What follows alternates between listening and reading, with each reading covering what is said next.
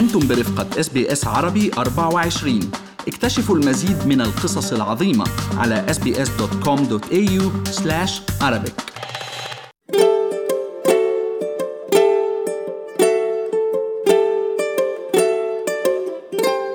تحت المجهر. بودكاست يتناول العناية بالصحة الجسدية والنفسية. ماذا يعني كوفيد طويل الأمد أو ما يعرف ب long COVID؟ وما هي أبرز العوارض والتداعيات التي ترافقه؟ أنا ربى منصور ويسرني استضافة أخصائية المسنين وطبيبة استشارية باطنية الدكتورة مريم جوزيف لمعرفة المزيد عن هذا الموضوع. أهلا وسهلا فيك دكتورة مريم وشكرا جزيلا على وقتك معنا اليوم. أهلا بك ست ربى وبالمستمعين الكرام. بداية دكتورة مريم هلأ المعروف والشائع أنه بعد الإصابة بكورونا وبمجرد ما تطلع نتيجة الفحص السلبية أنه خلص الشخص تعافى ولكن نفاجئ هلأ أنه عم نسمع بشيء اسمه long COVID أو كوفيد طويل الأمد. وبحسب دراسة بريطانية في 2 مليون شخص ببريطانيا عم بيعانوا من هيدي المشكلة. فخلينا أول شيء نفسر للمستمعين شو يعني كوفيد طويل الأمد وما هي عوارضه طبعا الكوفيد الطويل المزمن أو متلازمة ما بعد كوفيد آه هذه هي الأعراض التي تبقى في المريض المتعافي من مرض كوفيد 19 بعد أربع أسابيع. آه هذه الأعراض ممكن أن تحدث حتى بالأشخاص الذين كانت لهم أعراض كوفيد خفيفة. ومع مرور الوقت هذه تبقى الأعراض أو تظهر بعد آه أشهر من آه تعافيهم من الإصابة بالمرض. يقارب واحد بكل عشر أسترالي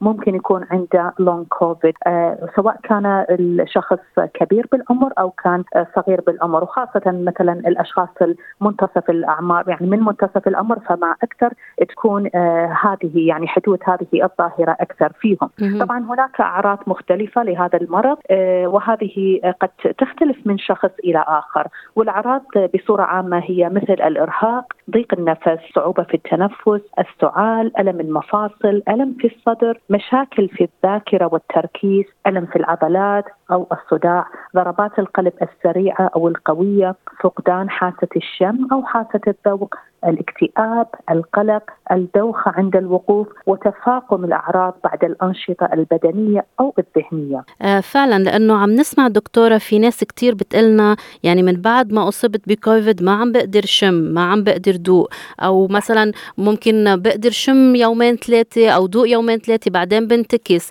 والمشكلة الأبرز كمان هي مشكلة الخمول والتعب الدائمين اللي عم بحسوا فيهم هدول الأشخاص، فيعني قديه ممكن يعيشوا مع هيدي المشكلة؟ يعني قديه بدها وقت يتعافوا كليا؟ صحيح.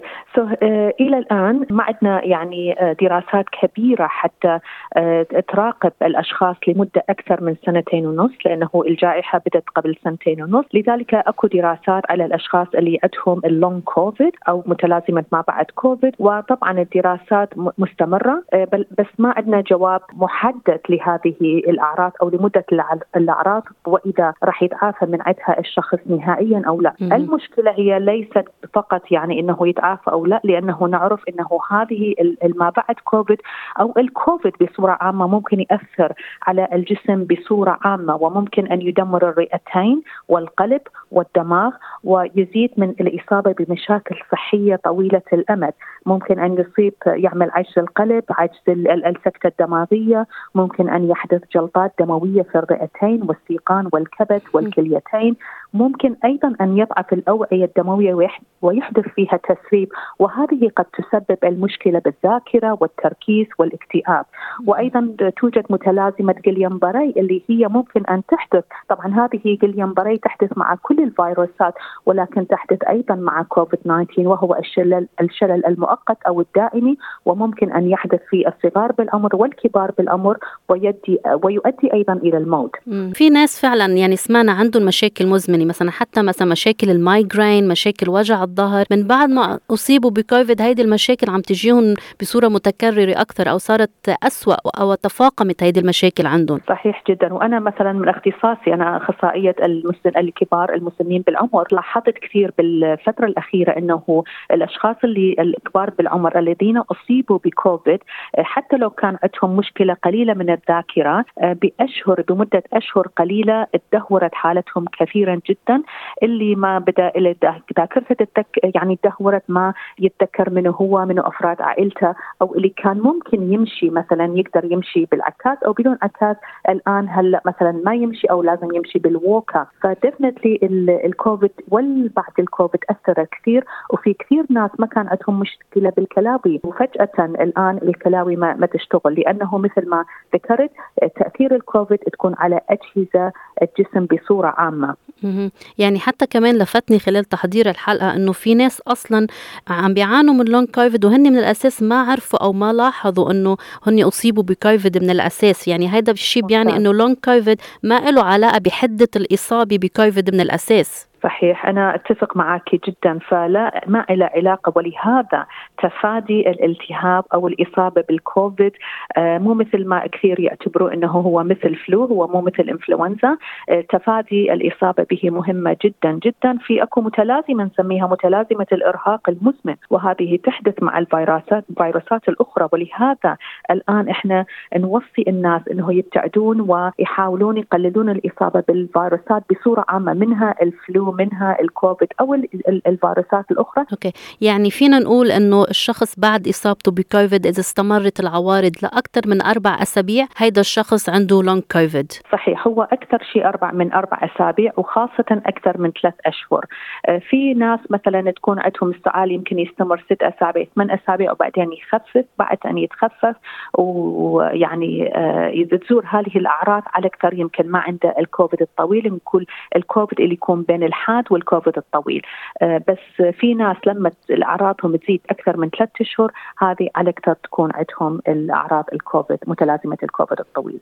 وأكيد ما في فحص أو اختبار بيحدد إنه هذا الشخص عنده long COVID خصوصا إنه عوارض ال long COVID بتتشابه مع عوارض مشاكل صحية أخرى. فكيف ممكن صحيح. يحدد الطبيب إنه هذا الشخص عنده كوفيد طويل الأمد؟ طبعا آه، هلأ صعب جدا حتى نعرف لأنه حتى لو نعمل ال PCR الاختبار راح يكون يكون سلبي ولكن ظهور هذه الأعراض بعد الكوفيد تخلي الطبيب يراقب لأنه إذا الشخص ما كان بأي شيء ومن فجأة بدأت هذه الأعراض ممكن إنه نقول هي مع كوفيد. فلازم ما يعني إحنا دائما نقول الأشخاص اللي إذا عافوا من كوفيد لازم يعملون follow up مع ال GP يعملون X-ray يعملون blood test هذه كلش مهمة حتى نقدر يمكن مثلا نعطيه العلاج اللازم بالوقت المناسب.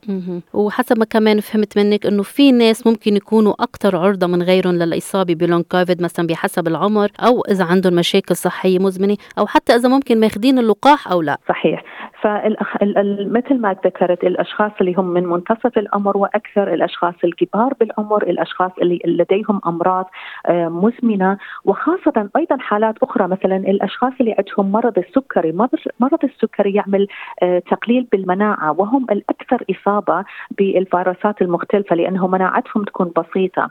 الشيء الآخر السمنة. السمنة سواء كانت خفيفة أو السمنة الكثيرة يعني البسيطة أو المفرطة. وفي ناس عندهم اللي عندهم BMI مرتفع يعني نسميه مؤشر الكتلة الجسم المرتفع. هم أيضا عارضين لمخاطر الكوفيد 19 أكثر من ناس النحاف بالأخير دكتورة مريم من فحوى كل حديثنا هيدا شو هي أبرز نصيحة؟ يعني نصيحة واحدة بتعطيها للمستمعين للتعامل مع كوفيد طويل الأمد وخصوصا يمكن في ناس أصلا عايشة معه منا عارفة شو الحالة اللي هي عم تعاني منها. صحيح. طبعا مهمة الوقاية من مثلا أخذ اللقاحات آه ارتداد الكمامات بالمناطق المزدحمه العامه والمغلقة حتى لو الشخص ما خف يعني آه، لقاحاته آه، غسل اليدين استخدام المعقمات اليدين الكحولي يعني اتباع الإرشادات الصحية العامة اللي تعطيها آه، الحكومة بصورة عامة.